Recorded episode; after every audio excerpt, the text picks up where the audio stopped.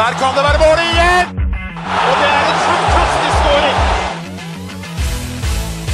Så kommer den! Vi er våre beste menn. Vi har jo en del vi skal gå gjennom i dag. Skal vi bare, bare kjøre på med episoden vår? Ja, la oss gjøre det. Kjør! Heia Norge. Heia Norge! Heia Norge!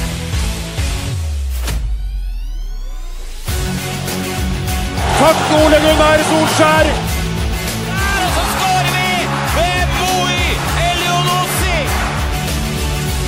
Rekdal skyter i mål! Og Norge leder 1-0! Så kommer den! Det er Tariq Elunussi som har sist på den! Martin Ødegaard!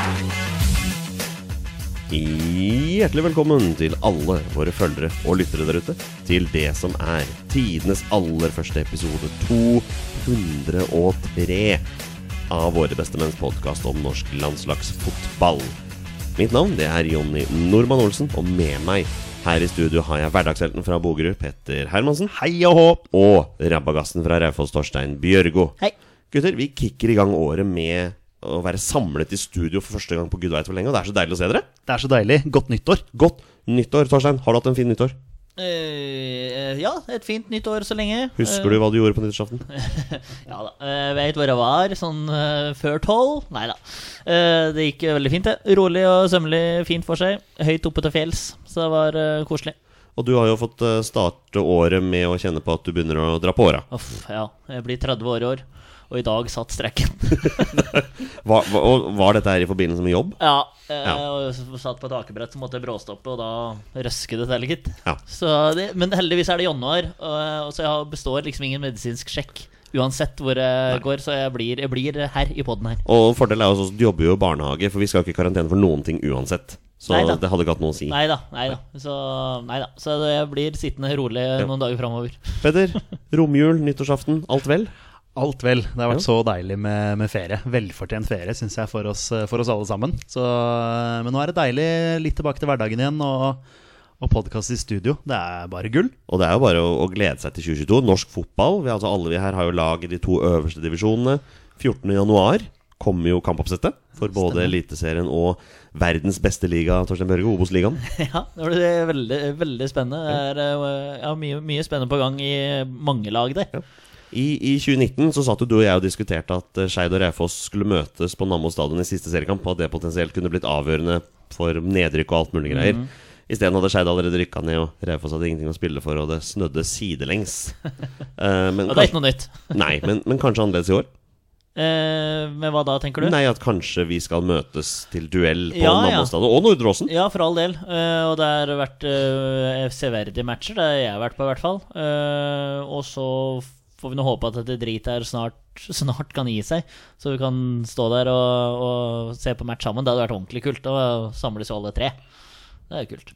Eh, Kanskje, kanskje Vålinga trekker Raufoss eller Skeid i Ja, cupen. ja, Problemet er at det kan, det kan jo fort være i 2023. For alt Ja, jeg, jeg skjønner Så- ikke den cupen. er Nå er det Brann skal møte KFUM nå i cupen. Ja, 12. mars. Ja. Raufoss skal møte Strømsgodset. Ja, det skal de. Ja, Raufoss er fortsatt med. Ja, ja, vi er med. Ja, ja. Og så cupfinale i mai. Ja. Ja. Blir jo Ja, jeg liker ikke det cupgreiene, jeg. Jeg vil ha det på gamlemåten, jeg. Ja, Vi får se om vi får det, da. Ja. Jeg, jeg mener også at Nardo, som rykka ned til tredje, skal møte Lillestrøm. Men, sånn. Ja, Ja. ikke sant? Ja. Men boys, dette er en landslagspodkast. Skal, vi- skal vi bare kjøre i gang, eller? ja, la oss gjøre det. Kjør. Da gjør vi det. Solskjær, og det er utligning! Det er utligning! Takk, Ole Gunnar Solskjær! 37 minutter. 1-1. Det er nytt år, og det betyr også et nytt landslagsår. Og, det vi skal gjøre i dag, i den aller første episoden av podden vår i dette året 2022, er at vi skal titte i spåkula. Hver og en av oss her i eh, panelet skal komme med fem spådommer hver. Um, vi skal skrive de ned. Vi skal selvfølgelig diskutere de nå, om vi har trua på det eller ikke. Vi skal skrive de ned, og når året nærmer seg slutten, da skal vi samles og se hvem som har truffet, og hvem som eh, kanskje bomma lite grann. Så dette blir gøy. Um, Torstein Nyland Børgo, vil du ha æren av å kicke dette i gang? Mer enn gjerne, Jonny. Um, skal vi se, vi kjører på. Uh, det er vel kanskje en vi forhåpentligvis alle har. I hvert fall en vi alle tror på. At vi går ubeseiret gjennom Nations League og vinner gruppa. Ja, det er deilig positivt. Den er veldig positiv. Jeg veit jo hvor du vil hen. Um, det er klart at Jeg vil til EM, Jonny. Jeg vil til ja, EM etter hvert. jeg vil også til EM, men sånn som du har diskutert, vi er veldig uenige på veien vi skal til EM. Ja da! Ja. Men det driter vi i. Du, du, Vi vil dit! Du vil til EM Ja. ved å mose alle de Ja. beste lagene. jeg vil bare sånn, jeg vil ha drittgruppa. Som vi diskuterte i siste episoden før eh, jul. Vi fikk jo ikke drittgruppa. Nei, vi fikk jo det vanskeligste vel som vi kunne Vi på. gjorde det, ja. Eh, alt ettersom. Men ja, eh, eh, interessant eh, spådom. Den er jo veldig positiv. Ja da. Ja, jeg, jeg Jeg er jo enig. Ja, Altså, takk. Jeg tror, vi, jeg tror vi taper en Jeg- kamp mot Serbia borte, Jeg føler, jeg føler at det ofte er jeg som er den som er negativ og kritisk. her, Men det er godt at du også kan være med på ja, da, nei, altså, Som vi snakka om sist gang også, jeg liker jo egentlig gruppa fordi vi får bryna oss på god, god motstand. Men uh, ubeseira gjennom hele, den, uh, den er jeg tvilsom til. Altså, Vi var men, ikke langt unna å bli ubeseira nå i VM-kvaliken, da. Vi var vel Nå husker jeg. Du sa Nor? Norge går Tapte ubeseiret Det var det eneste tapet. Hjemme i Malaga. Ja, Er du på hjemmebane nå, eller er du på generelt? Nei, generelt i VM-kvalikgruppa. Ja, ja. Da tapte jeg bare én match. Tyrkia og Nederland. Tyrkia og Ja, Nederland. Nederland, for faen. Ja. Ja, sant det. Men det du sa da, var at Norge går ubeseiret gjennom Nations League og vinner gruppa. Ja. Ja. Ja, Det er er nei, egentlig, det er egentlig to og én, da. Men Ja. ja. Men jeg står for den. Ja. Um, da lurer jeg på om jeg skal ta neste. Uh, for, for jeg har en som er noe lignende. Ja, det har jeg òg, men ja, kjør. Ok, men uh, Det kan hende vi har den samme. Vi får se. Ja. Vi får se Når jeg nå sier uh, Norge går ubeseiret gjennom 2022 på hjemmebane. Norge går ubeseira på, eh, på Ullevål i 2022, har jeg Ja. også. Så, og da, da jeg har skrevet Ullevål, så det teller det ikke hvis vi må spille hjemmekamp eh, i Malaga. Ja, og der har vi forskjellen. Ja. For jeg har skrevet på hjemmebane. Ja, Ja, det, jeg har Ullevål. ok, ja. Det er vår hjemmebane. Ja. Du har tatt forhåndsregler, du. Yes. ja nei, altså, så, ordlyden min kan jo ikke ta feil. Nei, nei, du har hjemmebane. Hvis det plutselig er en kamp som blir flytta til Brann stadion, liksom. Eh, ja, det ja, da tolker jeg det som hjemmebane. Ja, du gjør det. Ja, eller Ja. Ja, men eh, det er Men- veldig Ja. usannsynlig. Men en markant forskjell, da. Ja. Ja. Jo da, men vi er jo inne på det. Altså, Vi har eh, Nations League eh, på Ullevål, og vi har to privatlandskamper, foreløpig i hvert fall. Ja, jeg jeg veit ikke om det kommer flere Nei. etter Nations League. Nei, det er jeg litt usikker på. For det er jo litt åpning der før Jeg vet ikke om det er noen landslagsdatoer. Per dags dato har jo bare Norge satt opp fem kamper på hjemmebane i år. Da, I tillegg til de tre kampene mot eh, Serbia, Sverige og Slovenia. Så er det to privatlandskamper nå i slutten av mars. Det er hjemme mot Slovakia og Armenia. Så altså, muligheten for at vi skal gå ubeseiret, bør jo være der. Ja, det bør jo i hvert fall være målet. Eh, Jeg regner med at eh, Det er jo som Torstein sier også, jeg regner med at eh, landslaget har som mål å gå ubeseira gjennom. Selvfølgelig har de det. Eh, Jeg har ikke helt trua på det. Jeg tror det blir noen eh, tøffe bortekamper der. Men eh, på hjemmebane har vi, har vi vist tidligere også at vi, er, at vi er veldig sterke. Så den har jeg trua på. Og så eh, gleder han seg til å få Sverige på besøk igjen. Det var den jeg satt og håpet intenst på. Til å få disse forbanna svenska som satt nedafor oss Ja. uh, på under 3-3-matchen for noen år siden. Var- Håper at uh, bortefansen Kom dere bak mål. Ja, hva Dere er ikke velkomne på langsida. Jeg har aldri skjønt, altså. Ja, det ble miksa, ja. Ja, det er bare tull. Ja, det er ikke noe særlig. Folk må slutte med det her med at Norge og Sverige skal være så gode venner. Det er vi ikke. Nei, vi skal hate hverandre i fotball. Send alle de svenskene bak det ene målet. Ferdig. Ja. Har du på deg svensk drakt og går inn på langsida, du har ikke noe der å gjøre. Nei. Nå må vaktene komme, sender dem bak mål. Eller ha på svensk drakt når Norge møter Nederland. Å Ullevål. gud, vi skal ikke inn på Ja, den det var ikke igjen, i hvert Nederland, fall. men eh, det var Å, Gibraltar. var det men, eh, Gibraltar? jeg tror det var Ok, Gibraltar, ja, men, ok. men poenget står Ja, allikevel. ok. Ja, Ja, ja, ja, det var ja. enda teitere, faktisk. Ja. Men da har vi kommet med hver vår spådom, da. Ja. Eh, da går vi tilbake til deg, Torstein. Du skal få ta neste. Eh, ja, I all ydmykhet så tror jeg dette er den fineste. Omar El Abdelawi gjør comeback. Den er fin. Altså, Åh, man har jo lyst til at det skal være Vi har jo lyst til at det skal være at, du, at du treffer. Ja, ja. Ja, har jo lyst til det, selvfølgelig. Altså, det vil eh, Tenker du oss, comeback på landslaget, eller bare sånn fotball? Ja, eh, begge deler egentlig, men det er jo en landslagspod her, så jeg håper liksom at det kan komme opp på de siste ti minutta i en match. Altså et eller annet sånt nå. Det hadde vært helt, helt nydelig. Du, eh, Jeg kan ikke si nei på den. Nei, jeg, du- jeg tør ikke. Vi håper du treffer på den. Ja. Eller du treffer på den. Peder, Kan vi ikke si det sånn? treffer Ja. vi på de neste? Uh, ja, nei, altså den er jo Jeg dyssa, dyssa ned uh, Nations League litt. Altså jeg har skrevet topp to i Nations League-gruppa. At vi blir med Ah, ja, nummer to. ja, så at, uh, ja. Vi, vi kommer til å kjempe om den førsteplassen. Det tror jeg absolutt. Så vi, vi blir topp to i, i gruppa. Det, det, det betyr jo ikke så veldig mye å bli nummer to. Nei. Det, det, det kan, det kan Ja, bety noe. potensielt hvis eh, la oss si Sverige kvalifiserer seg til eh, EM via den ordinære, så har det kanskje noe å si for oss? Er det ikke et eller annet sånt? Nei, for da går den bare videre til neste gruppevinner. Eh, Men, men, men det kan ha noe å si med en av mine spådommer som kommer litt Ja, lenger. nettopp. Det blir litt Joker Nord innimellom. Men eh, Mm. Ja, ja. det gjør det. Men eh, Torstein, du sier jo at vi skal vinne gruppa, så du er jo enig med Petters påstand om at vi blir topp to. Ja, ja da, ja da, for all del. Ja. Ja, Det er jo bare å si det. Det er vanskelig å være uenig der. Men er dere enige eller uenige med min påstand nummer to? Erik Botheim får landslagsdebuten sin i løpet av 2022. ja. For de som ikke har fått det med seg, Erik Botheim gikk jo fra Bodø-Glimt eh, til Krasnodar for eh, Ja, det kan jo bli opp mot 100 millioner, dette her. Det er jo tidenes overgang i norsk fotball. Ja, det er jo vilt. Uh, har jo selvfølgelig prestert uh, veldig bra for uh, Bodø-Glimt. Men uh, det gjør jo alle som spiller for Bodø-Glimt. Gjør de det like godt i Gjør de det like godt videre, da? Eh, altså sånn, det er vel eksempler på det at eh, Ja, Jens Petter Hauge har jo ikke Altså, det gikk jo ikke så bra i Italia som man kanskje hadde håpa på. Har vel gjort det ok i Tyskland. Eh, Jeg tror, jeg tror Noe av grunnen min da, til at jeg valgte den her, er fordi etter at den overgangen ble kjent, så var det jo veldig mange som var veldig kritiske til nivået til Erik Botheim på sosiale medier. Som liksom var veldig på at ja, han kommer til å floppe. Han må jo få sjansen først, da. Til å vise seg frem. Så det var mer sånn der Ja, men gi ham noen sjansen, da. ja. Kan hende han scorer mål. Kanskje han får landslagsdebuten sin. Kanskje. Denne businessen her minner meg litt om eh, den businessen Ado Den Haag gjorde når Bjørn Mars Johnsen hadde en supersesong.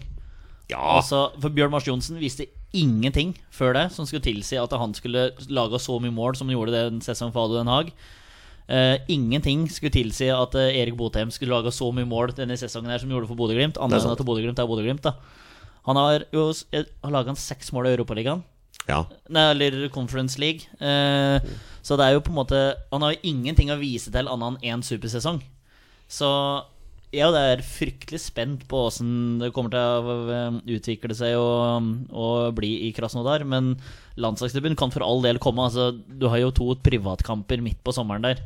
Og da kan eh, Er det ikke? Nei, det er nå i slutten av mars. Mars. Å ja, ok, ja, Men da kan uh, uansett få debuten sin, da. Så ja, for all del. Men i en sånn I en Nations League-match så tviler jeg på at Botheim er med, for å være helt ærlig. Ok, hva med deg, Petter? Eh, nei, det er som Torstein sier. eh, vi har de privatlandskampene der hvor eh, Ståle sannsynligvis da, har lyst til å teste litt. Så da kan jo Botheim være Det kommer veldig mye an på hvordan han kommer i gang i Russland. da Altså hvordan, hvordan utvikler han seg der. Jeg tenker litt på Strand Larsen da som en av de spillerne som vi liksom hadde litt Hadde litt trua på. eh, hvor det har stoppa litt opp. Kan det være litt sånn samme med Botheim? Vanskelig å si. Han er ung ennå, selvfølgelig. Så, mm. Men eh, jeg tror jo du har potensial til å treffe på spådommen, da, for å si det sånn. Han er bare 21. Ja, ikke altså, han har jo mange år foran seg. Så øh, ja, nei øh, ja, Litt sånn litt delt. Ja, det er lov. Torstein, din påstand nummer tre i dag. Eh, Ja. Eh, Da er det at eh, Sander Berge er blitt en særdeles viktig del av Ståle Solbakken sitt mannskap. Er, altså, vi snakker om et år, da. eh, Så er Sander Berge en Når vi oppsummerer 2022, vi 2022, oppsummerer 2022 så trekker vi fram altså, Han har vært vi fram vært ja. kjempeviktig for oss. Ja, Ja. Mm. det gjør vi. Ja, gjør vi det? ja, det er jo det han Det, Det, er det, det her spår, er jo utspring i uh, spådom nummer fire. Bare så at det, Ah, så, så det har ja. en sammenheng der. Han, men uh, han vi tar tre. har ikke vært glitrende for Sheffield United i championship. Absolutt Bare sånn for å ha sagt det. Han har slitt med skade og sånn, han har jo kommet tilbake. Men har ikke vært like god som han har vist tidligere. Så spørsmålet er hvor lang tid det tar før han på en måte får tilbake den formen han har hatt tidligere. Og så kommer det an på dette med at eh, vi har hatt veldig mange gode sentrale midtbanespillere på landslaget nå som har gjort det veldig, veldig bra. Eh, Det er ikke bare å, å spasere seg inn på det laget igjen, så den eh, tror jeg ikke du treffer på. Jeg tenker at Hvis, hvis Patrick Berg nå spiller seg inn på, i førsteelveren til lands, så har vi han, Nordmann og Thorsby som spiller på veldig høyt nivå. Da blir det vrient. Altså, jeg digger jo Sander Berge. Ja, Han er ja, en av mine favorittspillere. Men jeg syns han er også en som har fått altfor mye tyn. Altså, han er jo kjempegod. Han Men han, han trenger å spille seg for Hæ? Han har et halvt år på seg. Jeg tror han må vekk fra Sheffield United i denne måneden her. Skal det være en sjanse at Men spådommen er, Spørsmålet- er det noe rykte Ja, rundt spørsmålet er hvem Altså, tør å ta sjansen på han Ja. med, den- med skadehistorikken ja, sin. Mm, Det er akkurat det. Men hvis han bare får spille seg til fast plass på Sheffield United, og begynn der, da.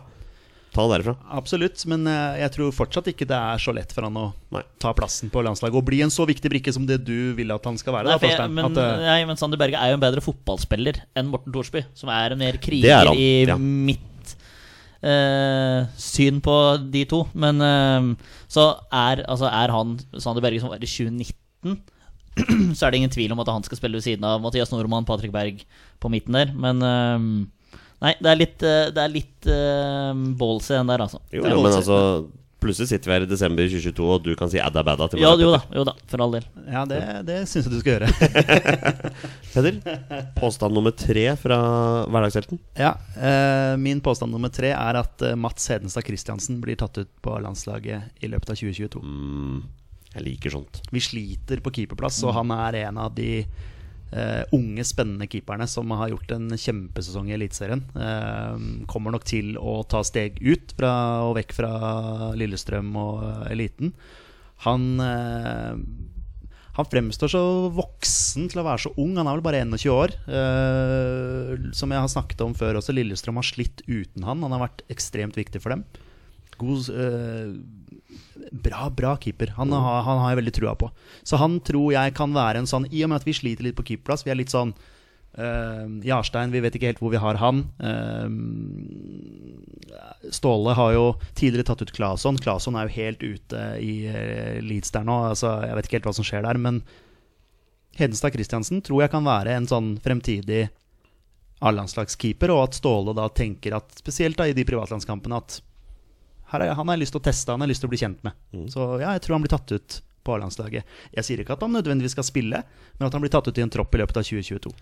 Enestad Christensen det er jo spilleren som Lillestrøm ikke hadde trua på før Ja. sesongen som var nå. De henta inn reservekeeperen til Molde på lån. Uh, Kanarifansen var jo rasende for dette her. Eh, Ja, ja. Men, men han tok tilbake plassen sin på en så god måte at han Molde-keeperen dro vel tilbake i sommer. Husker ikke hva han heter engang. Er det en Krannings? Ja, var det ikke det det var, ja? Krannings, Jo. eller ja.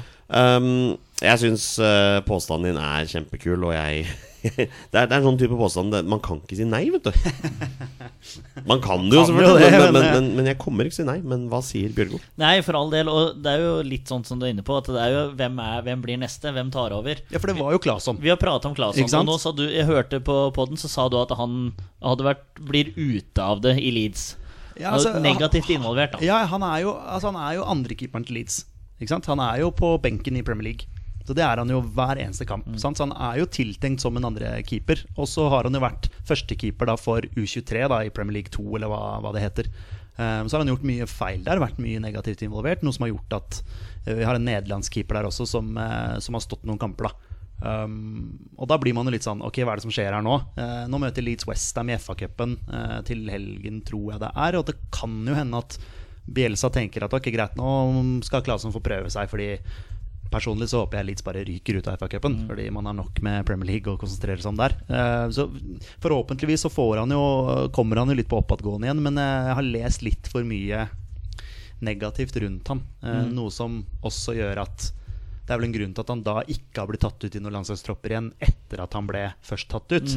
Men at da Hedenstad Christiansen kan være den neste. Fordi jeg kommer liksom ikke på noen andre unge keepere som, som også har prestert så bra som det Hedenstad Christiansen har gjort. Nei, og så virka så stabil og så trygg i det han har gjort. Det er liksom ingen store feil. Det var forskjell på Lillestrøm med og uten ham. Ja. Og det, at en 21-åring sprer så mye trygghet eh, til et forsvar, det er eh, en kjempeegenskap. Ja, og så for all del, han kan igjen få de der matcha mot Armenia og Slovenia. Slovakia. Slovakia. Eh, og du kan fort være en av de tre. For nå så jeg Sten Grytebust.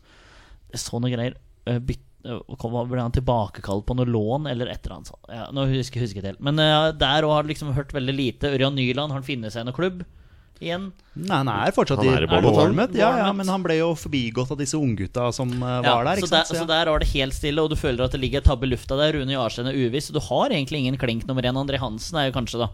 Så, så som Jonny snakka om også, han har vært helt middels i Ja, altså, helt- sånn, ja, han har ikke vært helt helt seg sjøl, liksom. Så jeg sier ja på den, og det er litt sånn samme øh, usikkerheten har på stopperplass på landslaget nå. Men det er en annen, annen diskusjon. Men øh, ja, Mats Henstad Christiansen Ja, men det er med. da får du den. Altså. Ja, vi får se, da. Det vet vi jo Ja, vi får se når vi- lengste resonnement for å komme fram til ja, men det er litt artig å diskutere litt Det er vel det som er litt av poenget med den spalten her, holdt jeg på å si. At Ja. vi skal prate litt. Ja. Ja. Eh, og min spådom nummer tre kommer til å gi uh, grobunn for diskusjon rundt bordet her. Det er bare å glede seg. Ja. Det er at uh, Joshua King gir seg på landslaget i løpet av 2022. Ja. Jeg eh, Fresk. Den hadde- er fresk. Ja, jeg hadde tenkt å ta en, den samme om Rune Jarstein, men så ble jeg så usikker. Eh, ja. Joshua King gir seg, ja, i løpet av 2022. Vi her i poden vår har jo tidligere stilt spørsmålstegn ved motivasjonen til Joshua King for å spille på landslaget. Selv om han selv sier noe annet, så, har det jo ikke, så kan vi jo ikke stikke under stol det faktum at han har hatt litt lett for å melde forfall til enkelte kamper pga. skader. Han blir 30 år. Han er ikke lenger et soleklart førstevalg på landslaget. Altså det er, eh, det er andre som er forbi han. Så spørsmålet mitt er er, har han motivasjonen. Ja, den er fin. Den er Ja, fin, den den er fin. Ja, ja, ja. Den er fin. Det er jo ikke noe Men jeg tenker det, det har blitt den perioden hvor han Hvor vi syns han takka fort nei da til privatlandskamper, treningskamper, kall det hva du vil. Så var det ikke akkurat det miljøet det er rundt landslaget nå heller. Den blesten. Nei, Så jeg syns det, det, virker som et mye mer positivt og sammensveisa lag nå. Eh, altså et folkets lag. Bare den den lille gesten når du går og fyrer opp publikum før match bak målet der, eller klapper, eller hva kall, Ja, samme det. Men bare, det, bare den lille tingen der føler at ja, vi er, vi er faktisk på lag. Alle 20 000 mot 11 serbere, 11 tyrkere. Eh, eh, hva det er. Eh, det var det ikke da. Nei. så da hadde liksom den situasjonen som var for to, tre, fire år siden, vært nå, så hadde jeg vært helt klinkende enig. Men jeg tror han har så lyst til å være med, og at eh, EM 2024 er, lyser der, og at han ser muligheten til å endelig få vært med i et mesterskap. Så at han trøkker til, finner motivasjon. Han spiller på et elendig fotballag, men han leverer jo faktisk. Han spiller i Premier League, det er det ingen som kan ta ifra han. Eh, Så jeg tror han er med eh, ut kvaliken 2024, og så går det til dundas, så er eh, Joshua King ferdig. Så jeg er uenig i din spådom. Ja, men du resonnerer utrolig bra. Ja. Det var eh, meget bra resonnert. Ja. Eh, har du noe å tilføre, Petter? Nei, jeg støtter meg til Torstein der. Eh, Jeg tror også det at King er såpass lysten på et mesterskap at han gir seg ikke før det er Før kroppen på en måte sier nei. Og per nå så er han i bra form. Han spiller fast i Premier League. Leverer målpoeng òg, Ja, ja, en viktig spiller for, eh, for Watford. Et Watford som sliter. Eh, Sånn er det jo, men allikevel. Han er eh, ja, kanskje en av førstemann på blokka til Claudio Ranieri. Mhm. Så nei, jeg tror ikke han gir seg på landslaget. Jeg tror han er ja, såpass lysten eh, og såpass, eh, har såpass selvtillit og tro på seg sjøl at han vet at han har noe eh, å gjøre med å bidra med eh, for, for Norge. Så jeg tror du bommer. Greit, bare vær som dere. Eh, det var jo en gang i tiden han sa han skulle ta skåringsrekorden til Jørgen Juve. Den er på Ja. 33 mål, han har 17 nå. Ja. Så Der er han, han, han, han er den. halvveis. Det er nok en annen som tar den, ja. Ja, og der har, vi- der har vi vel også hatt en spådom at han skulle ta den i løpet av et visst antall kamper. Det var en annen spiller, da. Ja, ikke sant. Ja. Ok, um, Torstein Børgo. Påstand fire. Eh, ja, eh, spådom og spådom Jo da. eh, jeg blander spådom og påstand. Ja, takk. Ja, men det, er, det går for det samme. Ja da. Ja, da, ja, da. Eh, Martin Ødegaard, storspiller i tierrollen bak Braut hele året. Jeg elsker at den kommer fra deg. Mm. Det, det, for, de som ser, for de som ser vloggene våre.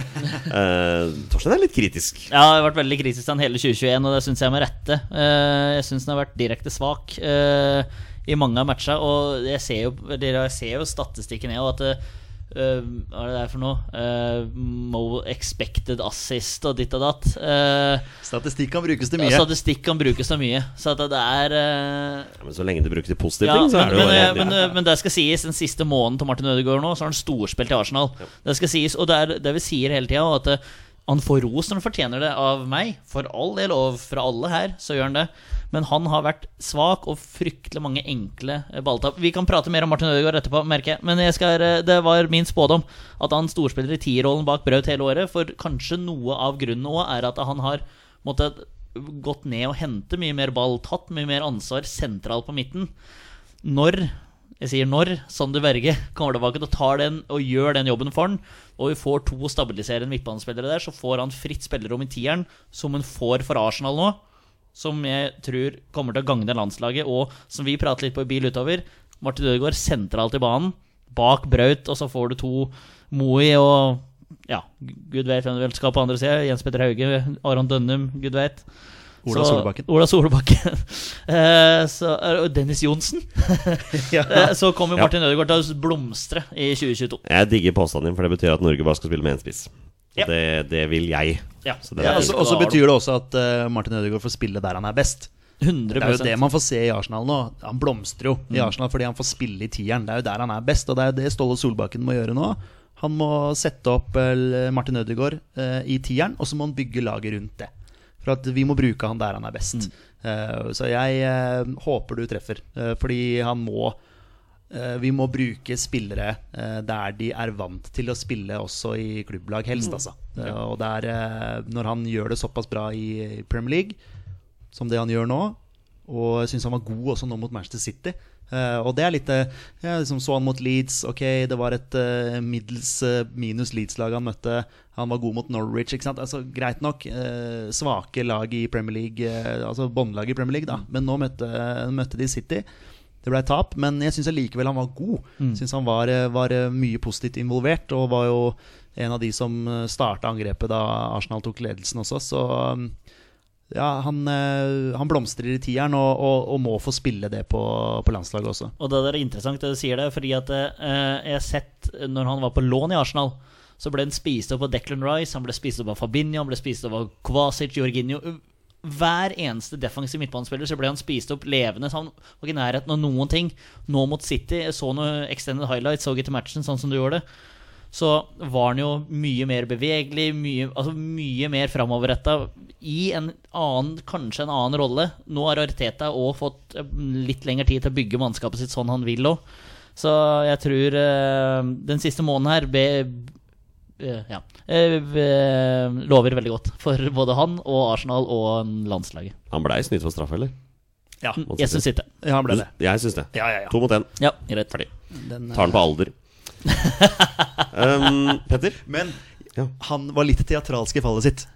Jo, det var han. Ja, ja, ja, ja, Eh, Men det, altså- var, det var sånn Wayne Rooney fikk alle straffene sine for Manchester United. Ashley Young òg. Men Ashley Young. altså, øh, Martin, Martin Ødegaard slår meg som en som ikke er vant til å få straffespark, hvis du skjønner hva jeg mener. Sånn, jeg vet ikke helt hvordan han skal falle inn i 16-meteren. Åpenbart ikke.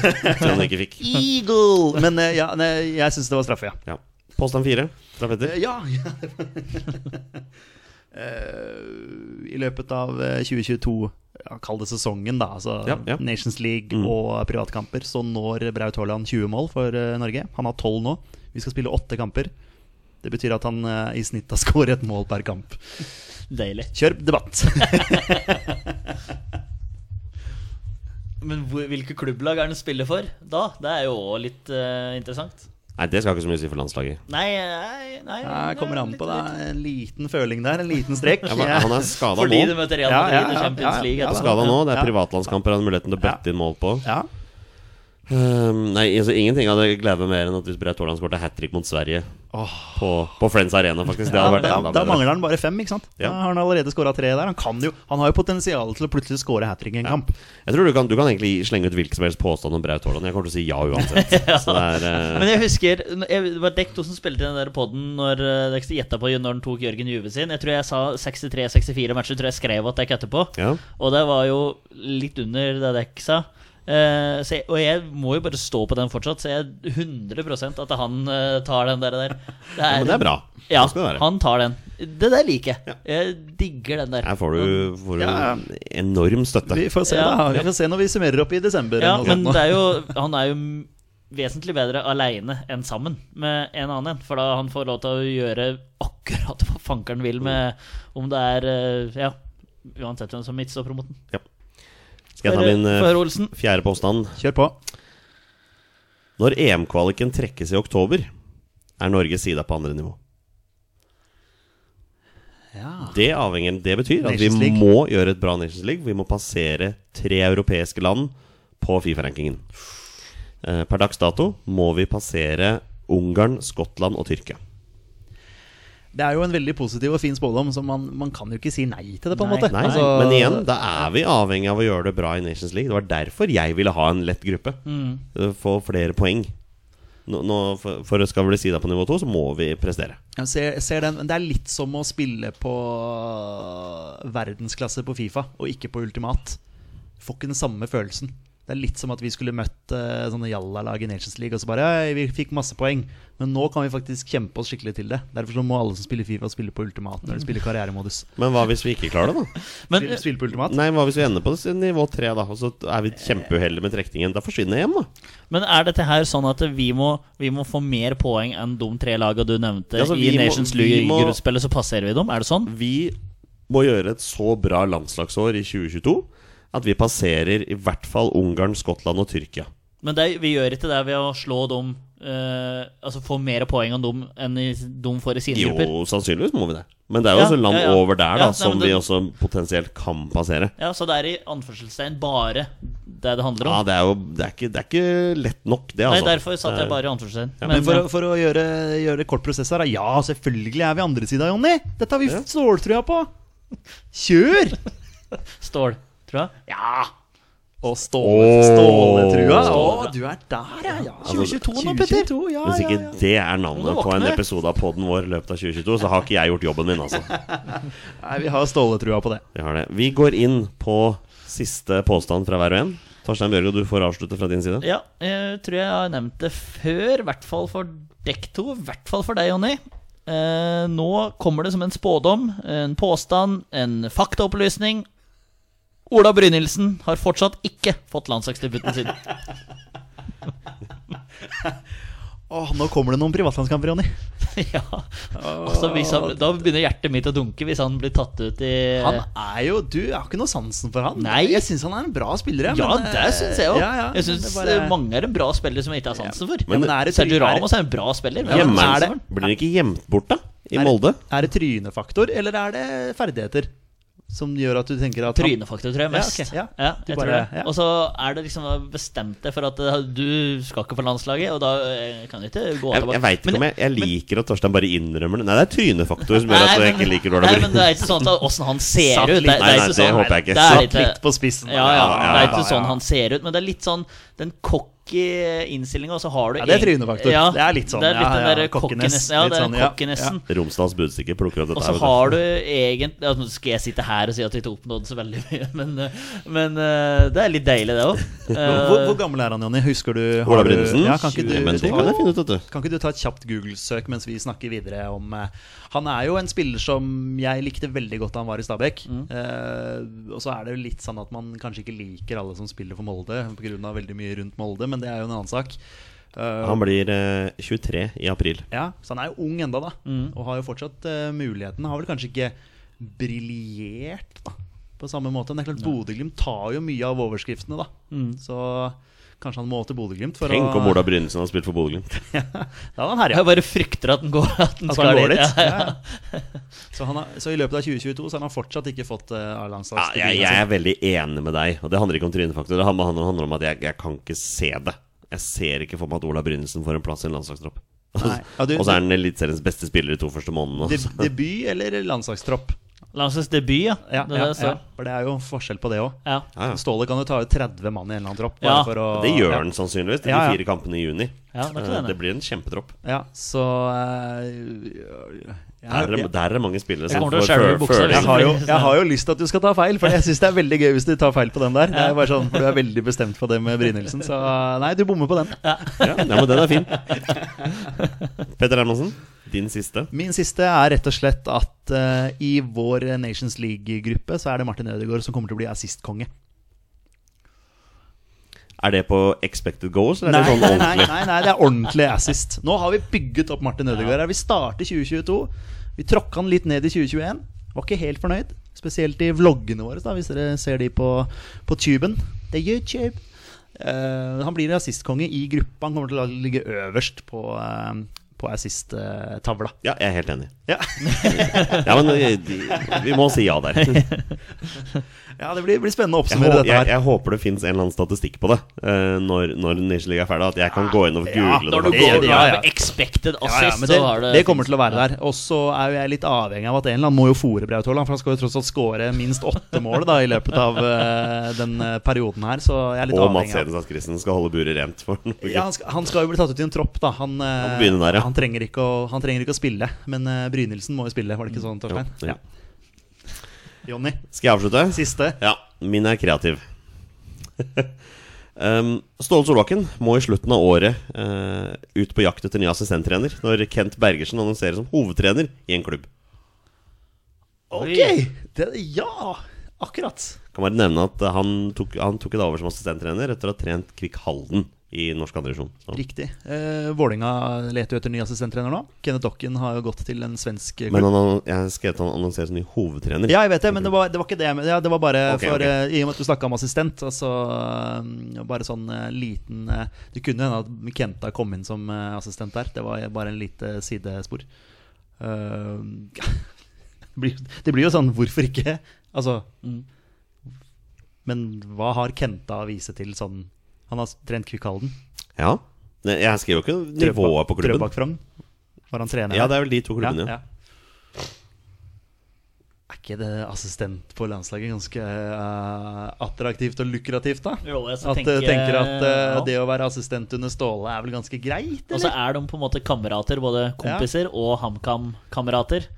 Så Jeg tror faktisk Ståle, nei, Frode Grodås også har tittelen assistenttrener. Selv om han er keepertrener, så lurer jeg på om han har tittelen Ja, okay, okay. ok. Eh, Brede Hangeland har jo tittelen spilleransvarlig. Ja. Altså buddy. Ja, nei, ja. Rett og slett sånn der eh, sosial eh, lærer. Ja. Ja, sosial Jo, jo, for eksempel. For eksempel. Sosia- Sosialarbeider. Sosialarbeider. Ja. Eh, nei, eh, Kenta blir med barndomskompisen sin eh, landslagsåret ut eh, og ratt landslagskarriera ut. Ja. Eh, Det- det er helt fair. Ja, Ja, jeg tror, eh, jeg tror også Ståle og Kenta liksom, de, de er duoen. Altså, De kommer til å være sammen i tykt og tynt. Og det er skåring, og vi leder mot Brasil!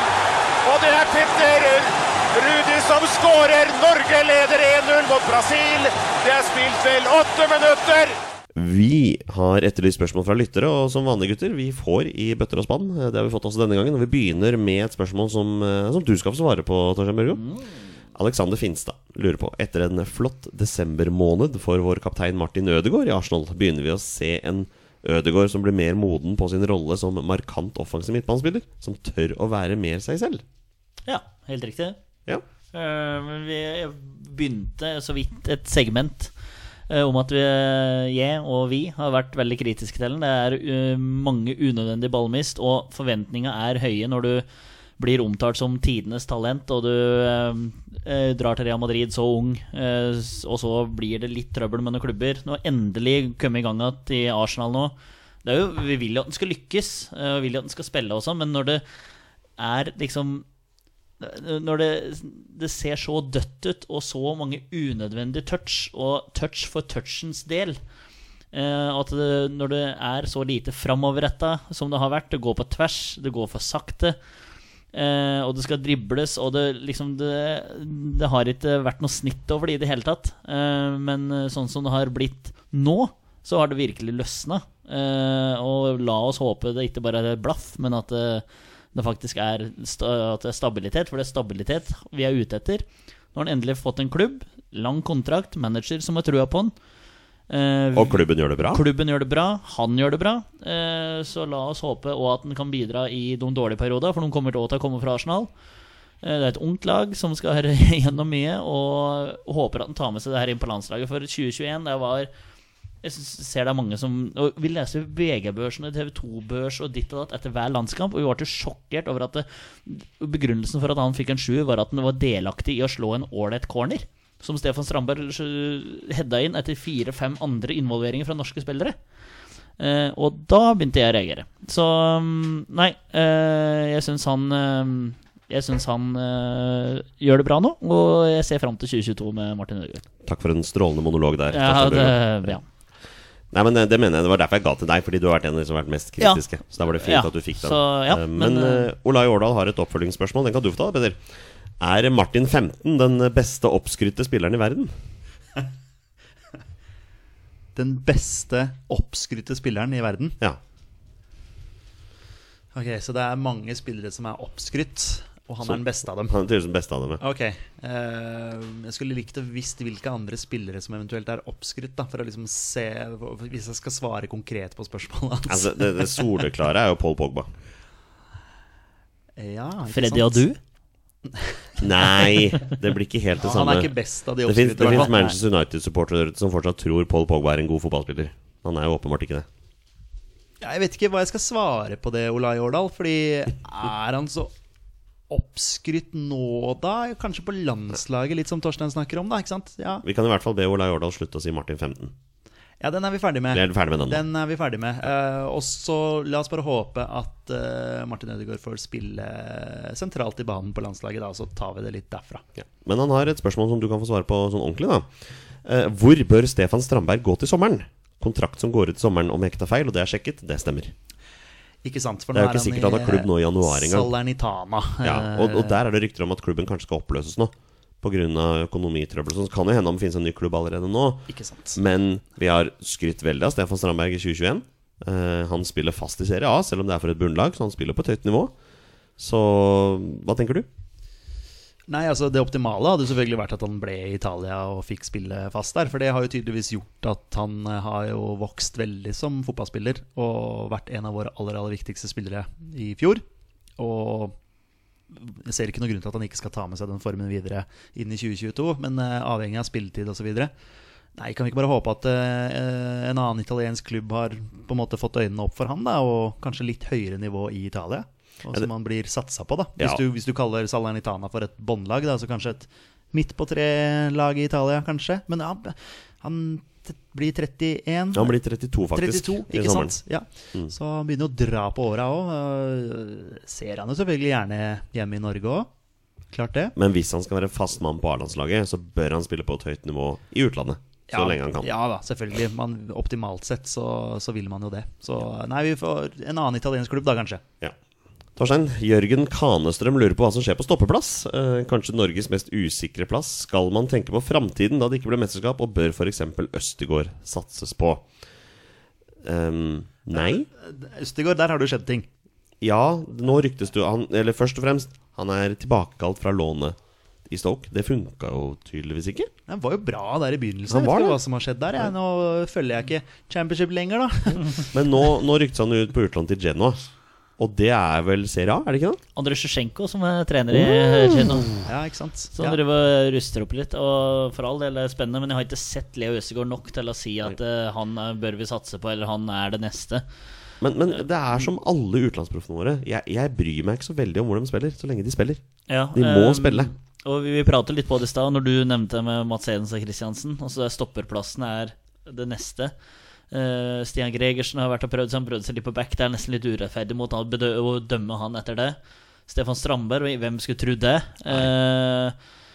Kristoffer Ayer er endelig tilbake til Brentford-troppen etter en vanvittig hard hamstringskade, skjønte jeg. Um, han er tilbake der, må få spille. Um, Andreas Hanke Olsen Jeg, synes, jeg ble ikke overbevist over Marius Lode, det vi så der.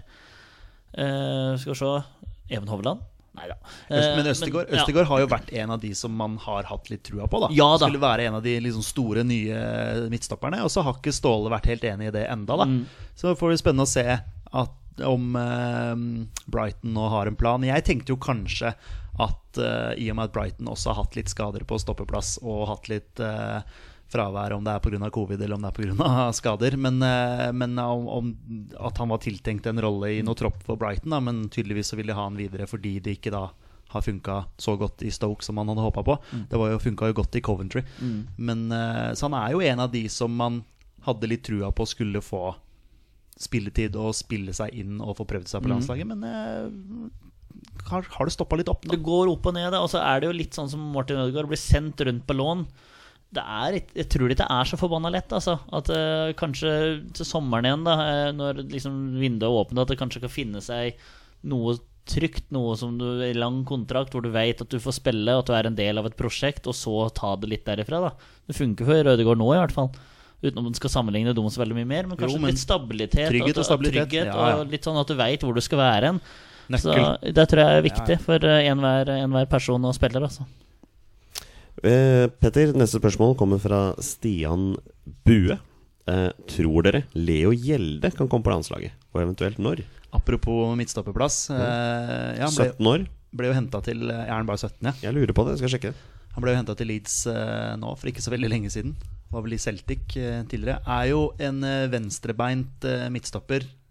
Bielsa liker jo Han blir 19 i august. ja, Bielsa liker jo i utgangspunktet å spille med en venstrebeint og en høyrebeint på stoppeplass.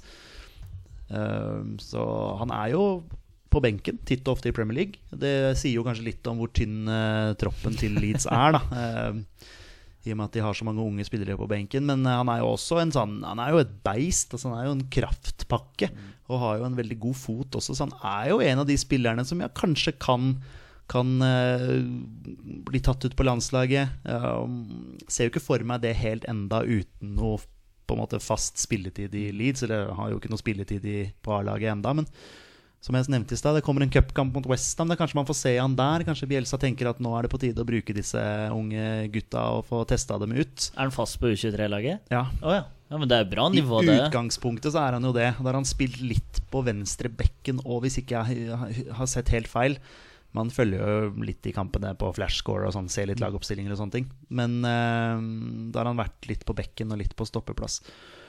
Uh, så relativt fast vil jeg Ja, og- der, og der er det talenter fra mange storklubber som skal opp og fram. Og det er spillere som spiller der for å komme seg i form at topp, altså topp, toppspillere. Så det, det er bra motstandere som får kjørt seg. greit ja, da, ja, jeg har også hørt det at, eh, at flere av de lagene der hadde hevda seg bra i, i Eliteserien, bare for å ta Mm. et eksempel. Så, så det er nok et, et brukbart nivå sånn sett. Og at Leo Gjelde kan bli landslagsspiller etter hvert, det har jeg trua på. Men det handler jo om å på en måte få spilt seg inn på et såpass høyt nivå at du har noe på et A-landslag å gjøre. da. For per nå så har han jo ikke det. Men eh, gi han eh, Gi han tre-fire år, da, kanskje to-tre år, noe sånt, så kan han være en av de som, som kan være en ny stoppekjempe for Norge. Det- Definitivt. Ja, Må jo ha trua på det. Vi avslutter med et spørsmål fra Sondre Helleve. Eh, det er litt kult. Eh, hvem tror dere får flest landskamper i 2022 i de forskjellige posisjonene? Så da tenker jeg at vi, Oi, vi, vi, vi, vi vrir litt-. Bra vi- spørsmål. Ja, vi vrir litt på det. Vi tar ikke alle posisjonene i en elver.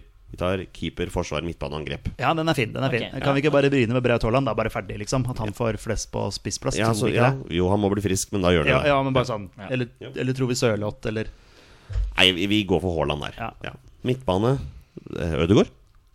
Ja. Mathias Nordmann og Thorsby blir suspendert, garantert. Ja, ja, faktisk. faktisk. Ja, men da kommer Sander Berge. Martin eh, Ødegaard kommer til å spille alt. Ja, Martin så, med mindre han er skada eller suspendert. Så ja, Martin. Og så er det forsvar, da. Nei, det er Strandberg for meg. Sånn, Jeg har så eh, lyst til å si Kristoffer Ayer. Da sier Birger Meling. Ja, den er også veldig Ja, selvfølgelig, Den er bankers. selvfølgelig. Ja. Men så er det keeperen, da. Keeperen er vanskelig. Ja, den er vrien nå, altså. Hvem er førstekeeper for Norge nå? Eh, André Hansen. Ja, det er jo det, da. Det er jo det. Jo, jo, men så er det litt sånn Ørjan Nyland, middels ja. eh, Ja, ikke sant? Og Nyland har spilt litt uh, også for, for Norge, så ja. Det, Hva er ståa med Jarstein nå? jeg har faktisk og googla det i stad. Han uh, er jo tilbake i full trening. Eh, men den artikkelen var jo fra i fjor høst, eller noe sånt nå. Ja. Så jeg har ikke noe ny info der. Nei. Så, og Bundesliga nå har vel sånn vinterpause, har de ikke det? vinterpause. Ja. Så det har de hatt i mange, mange år. skal jeg si Så de er vel i gang at eh, rundt 20. januar, tror jeg. Ja, Så kanskje vi vet litt mer eh, mot slutten av januar, da. Mm, Så det, men Men vi må, vi må si si André. Hansen, da. Ja. Ja, det blir André Ja, Hansen. for det er Ja. han, han jeg liker best av de som er alternativene.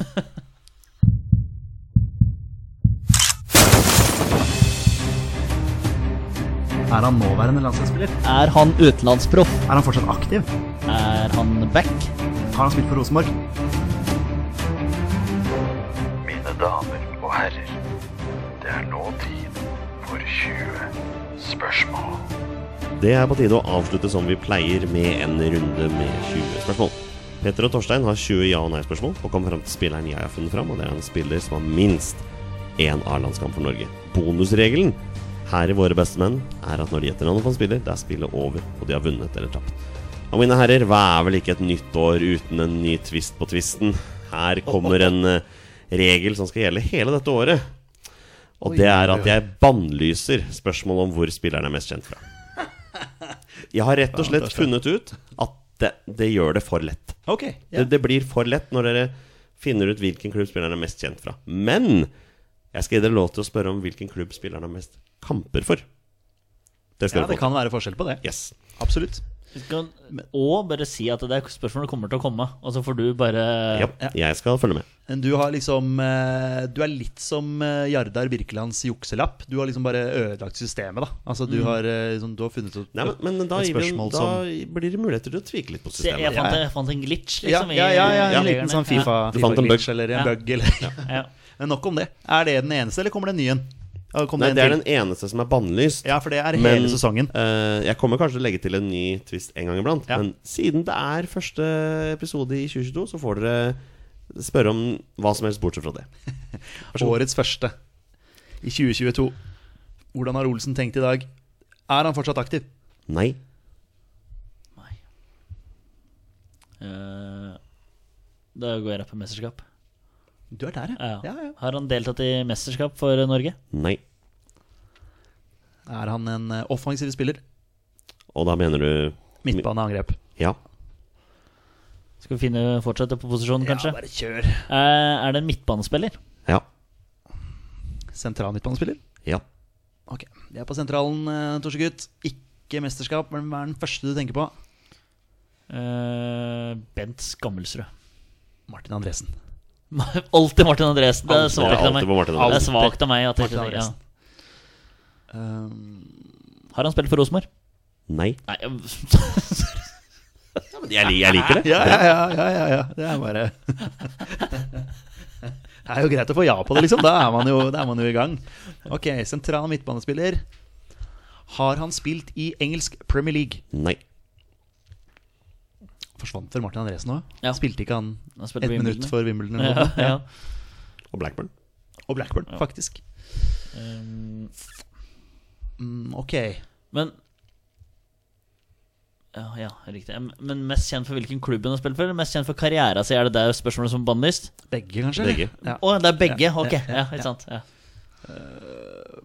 Eller vet du hva? Nei, jeg skal faktisk gjøre det. Det er, det er- det er kun bannlyst eh, hvilken klubb han er mest kjent for. ja, Så det, for da blir det vrient etter hvert, hvis vi skulle, ikke skulle vært eh, inn- eller utland heller.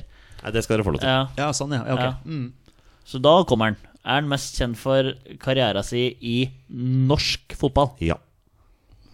Det var kontant. Mm. Og nå får vi ikke lov til da å spørre om Men vi kan spørre om antall kamper. da Har han Det flest kamper for Ja, ikke sant Om han ikke spilt for Rosenborg, da. Det har vi jo Ja. funnet ut. Men han er fortsatt mest kjent for å ha spilt uh, i norsk fotball.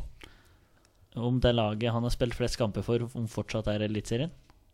Om det er Eliteserien? Ja, Mm. det må være lov å spørre om. Eh, Den eh, klubben denne spilleren har flest kamper for, eh, hører den fortsatt til i Eliteserien? Nei. Det syns jeg egentlig var et bra hint. Sånn Og da er vi jo på 20, Ja, var det det?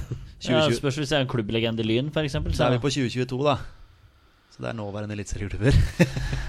altså, Det stemmer. ja. Selv om det ikke har blitt sparka Ja. fotball ennå i Ja. Eliteserien i 2022. Men ja. Hvem var det som rykka ned? Brann, så det, da kan det ikke være Jerv, da. Brann og Mjøndalen. Brann, Mjøndalen og Stabæk. Mm. Det har vært morsomt å spurt uh, Har han øh, Om han har spilt for et av de laga som rykka ned? Ja, gjør nå det, da. Bare for å ha et nytt Det er sikkert et spørsmål vi aldri har stilt før. Er kjipt at Mjøndalen er et av de laga, Fordi det er vel få landslagsspillere fra Mjøndalen. Det er gøy med nye spørsmål. Ja. Har han spilt eh, for eh, en av de tre klubbene som rykka ned fra Eliteserien eh, forrige sesong? Altså Brann, Stabæk eller Mjøndalen? Ja. Det er ti spørsmål. Da Da vi utelukker vi Mjøndalen. Sannsynligvis, da. Ja, Med mindre det er en sånn luring. eh, Brustad han er fortsatt aktiv, da, men han er ikke, han er ikke midtbanespiller. Det er ti, så da er vi halvveis. Og Brustad er jo også uten klubb. Ja. Kan det gå til Lyn, da? Lyn eh, Det er snakk om det. Er det det, ja? Ja, ja, hvorfor ikke? Um, ok, så han har spilt for Vi vet ikke om det er der han har flest kamper, men han har i hvert fall spilt for Stabæk eller uh, Brann. Ja, for det laget han har flest kamper for, er ikke Eliteserien. Men det Nei. laget har flest kamper for, det vet vi ikke om er Brann eller Nei, det er helt korrekt. Ja, helt riktig. Men det er jo nærliggende å tenke at i og med at det er klubber som har vært ganske lenge Eller Stabæk har gått litt opp og ned, det har jo for så vidt Brann gjort også nå, Ja. men uh, sentral midtbanespiller Han kan ha spilt for begge òg, selvfølgelig. Ja. Men uh, der forsvant jo Martin Andresen i stad. Har han uh, flest kamper for Brann i norsk fotball? Nei. Det er igjen en sånn derre Du håper du får ja, da. Ja. Fordi med nei så vet du ikke om han har spilt der heller. Nei. Det er akkurat det. Så den er vanskelig. Den er. Eh, om man da bare skal gå inn på om han har spilt for Brann. Bare for å ha et utgangspunkt. Mm. Har han spilt for Brann? Ja. Ja, ok, Så da vet vi at han har spilt for Brann. Han er en sentral eh, midtbanespiller som har spilt for Brann. Men han har ikke flest kamper der. Kan jo selvfølgelig også da ha spilt for Stabæk. Mm. Første sentrale midtbanespilleren for Brann. Torstein, har du noen som du tenker umiddelbart? Jeg tenker kun Martin Andresen og Petter Mm. Våga Moen. Mm. Men uh, Ja. Våga Moen er ikke sentral midtbanespiller. Kan for så vidt ha vært på landslaget. Ja. Det er det som er vrient. Men For også han har husker jeg ikke flest kamper for HamKam, sikkert. Ja. Så husker jeg ikke helt om Men HamKam er jo Eliteserien, da. Ja. Åssen var spørsmålet der? Den i klubben spiller han flest kamper for. Ja, Om det nå er Eliteserien. ja. Der fikk vi nei på. Og da kan det ikke være han. Nei, Med mindre han har flest kamper for Lillestrøm. det har han ikke. Ja, De er også i Eliteserien. Ja. Takk for meg. Mm. Da ut- betyr det at vi utelukker Da utelukker vi Petter Våga Bra. Okay. Um, sentral midtbanespiller Brann Ardian Gashi. Tomas Sokolowski. Thomas Sokolowski. Flest kamper for Lyn. Mm. Må han jo ha. Ja. Uh, Sokolowski er fin. Han spilte i Viking også. Ja, jeg tror både Ardan Gashi og Thomas Sokolowski har vært i Odd òg. Men det Ja, og um, Gashi har i hvert fall vært i Odd, det husker jeg. Ja. Men uh, Sokolowski er jeg usikker på. Men uh, Ja, usikker. Men begge to har vært i Brann, i hvert fall. definitivt. Sokolowski har aldri vært i Vålerenga. Nei. Nei, Nei, han nei, hater han Vålerenga. Altså, overalt, pesten, han. Men Sokolowski har vært i Stabæk. Ja. Så han har spilt for begge, Mm. som vi snakka om Ja. nedrykksklubber. Men har Ardian Gashi vært i Stabæk? Nei. Så hvis vi går for én av de, da Eh, en av de klubbene? Ja, ja, ja, En av de to spillere, Ja. på en måte. Ja, ja, Altså, ja, ja og sp eller tenker du spørre om han har spilt for Stabæk? ja, for da Ja. vet vi at det ikke er Ardian. Gashi, på en måte. Har denne spilleren spilt for Stabæk? Ja. Har han spilt for Lyn? Ja. Eh, heter pappaen hans Kai? Nei. Kai? Er det ikke Kai Sokolovskij? Eller er det Carl? Det var Nei, var det ikke hans Det var 15 forresten. Kass. Var det Kass? Kass, Kass, sånt nå, ja, for han var vel i Vålinga Var det Kass? Ja, Dere har fem spørsmål. var det ikke det han het? Kass, Kass var det kanskje. Kass. Taz? Kass. Nei. okay. Har han spilt for Viking? Ja. Tror jeg vi har den, eh, Torsegutt. Mm. Drakt nummer 23? Det var det som datt ned i huet mitt. Åh, hvis ikke det var eh, han Lars Kristian Eriksen, om han hadde det i Lyn. Det kan hende. Sokolowski Åtte? Oi, det er det, vet du. Nei, nei, det er ikke sikkert. Det er Han har jo ganske spilt for Jeg jeg lurer på faktisk Stabæk lurer på om han hadde drakt nummer 32. Ok, Hvis jeg ikke husker helt feil nå. Og det er utrolig, nerd, det er utrolig nerd av meg hvis han hadde 32 i Stabæk. Du vet det blir sjekka etterpå. Ja, selvfølgelig. er du har så kontroll på drakt... eh, Nei, det har jeg ikke på alt, men eh, du får sånn sånn som du nå. At du bare får sånn Ja, Du ser han for deg, og Ja. så Ja. Men uh, der tror jeg vi har den. Ja, jeg tror vi går for uh, den, altså. Ja. Kjør av, Torstein. Ja, Det må være han. Husker du noen landskamp fra han? Eh, Overhodet ikke. Jeg husker bare et intervju med han oppe fra Ekeberg på Norway Cup, hvor Vålinga hadde tapt, da, som de alltid gjorde for Lyn. Og da så var han sånn cocky, og så sa han sånn «Ja, så Det er godt at Vålerenga får eh, suge på den bitre karamellen et år til, eller et eller annet sånt noe. Ja. Ja, det husker jeg. Sånn Ekle frysninger på ryggen. Ja, det. Ja, det er jo litt sånn glise. Ja. Apropos trynefaktor, som vi snakka om ja. eh, tidligere i episoden. Ja. Men eh, nok om det. Nok om det. Jonny, på spørsmål nummer 16, Eh, 17 17, så spør vi deg Er denne spilleren Thomas Sokolowski. gutter. Det er Thomas Sokolowski. Der er, vi, der er vi i gang. 2022. Here we go. Ja, der var dere gode. Ja, etter hvert. Syns det. Ja, Rota oss. Rota, rota på et par gamblingspørsmål. knota litt, men Ja. eh, sånn er det jo. Ja. Vi er litt rustne. Det er lenge siden vi har spilt sammen. ja, faktisk. Det er veldig lenge siden. 155 kamper for Lyn. faktisk. Eh, 44 for Viking, 44 for Brann, 31 for Stabæk og 54 for Asker. Jeg er nesten mest spent på hvor mange landskamper. Ja, få høre. Hva, hva tipper dere? Ja, to var det første jeg tenkte òg. Han har faktisk 45 minutter med landslagsfotball for Norge. Altså én landskamp, da. Ja, Ja. det stemmer. uh, den fikk han 29. januar 2006. ja, han starta når uh, Mot USA. Norge tapte 5-0 borte mot USA. Yes, Den kampen husker jeg veldig godt. Den husker jeg veldig godt eh, også. Ja, men jeg husker ikke at han spilte den. Men eh, ja, så han er jo en av de der som, som var innom. Og aldri, så han aldri igjen. Nei, altså Stian Ord fikk også sin landslagsdebut i den eh, kampen der. Um, det gjorde også Espen Olsen, Oi! blant annet. Ja, For å nevne noen. Legender. Men eh, ja, Thomas Okolowski en veldig bra midtbanespiller i norsk eliteserie. Spilte aldri i utlandet. Nei, Spilte kun i, uh, i Noreg. Han var god, han. Absolutt. Irriterende. Så- Sånn, I og med at han var sånn Lyns ansikt utad i den perioden hvor Lyn var gode og irriterende. Irriterende vestkantnabo. Ja, Og pappa heter Kass. Ja. Casimires Ka- var det vi- Kass var det. Det var det vi kon- konkluderte med til slutt. Ja. Yes. Og med det er det på tide å avslutte dagens episode. Tusen takk til alle dere som hører på. Dere er fantastiske mennesker, alle sammen. Vi er våre beste menn. Heia Norge. Heia Norge! Heia Norge. Og hei!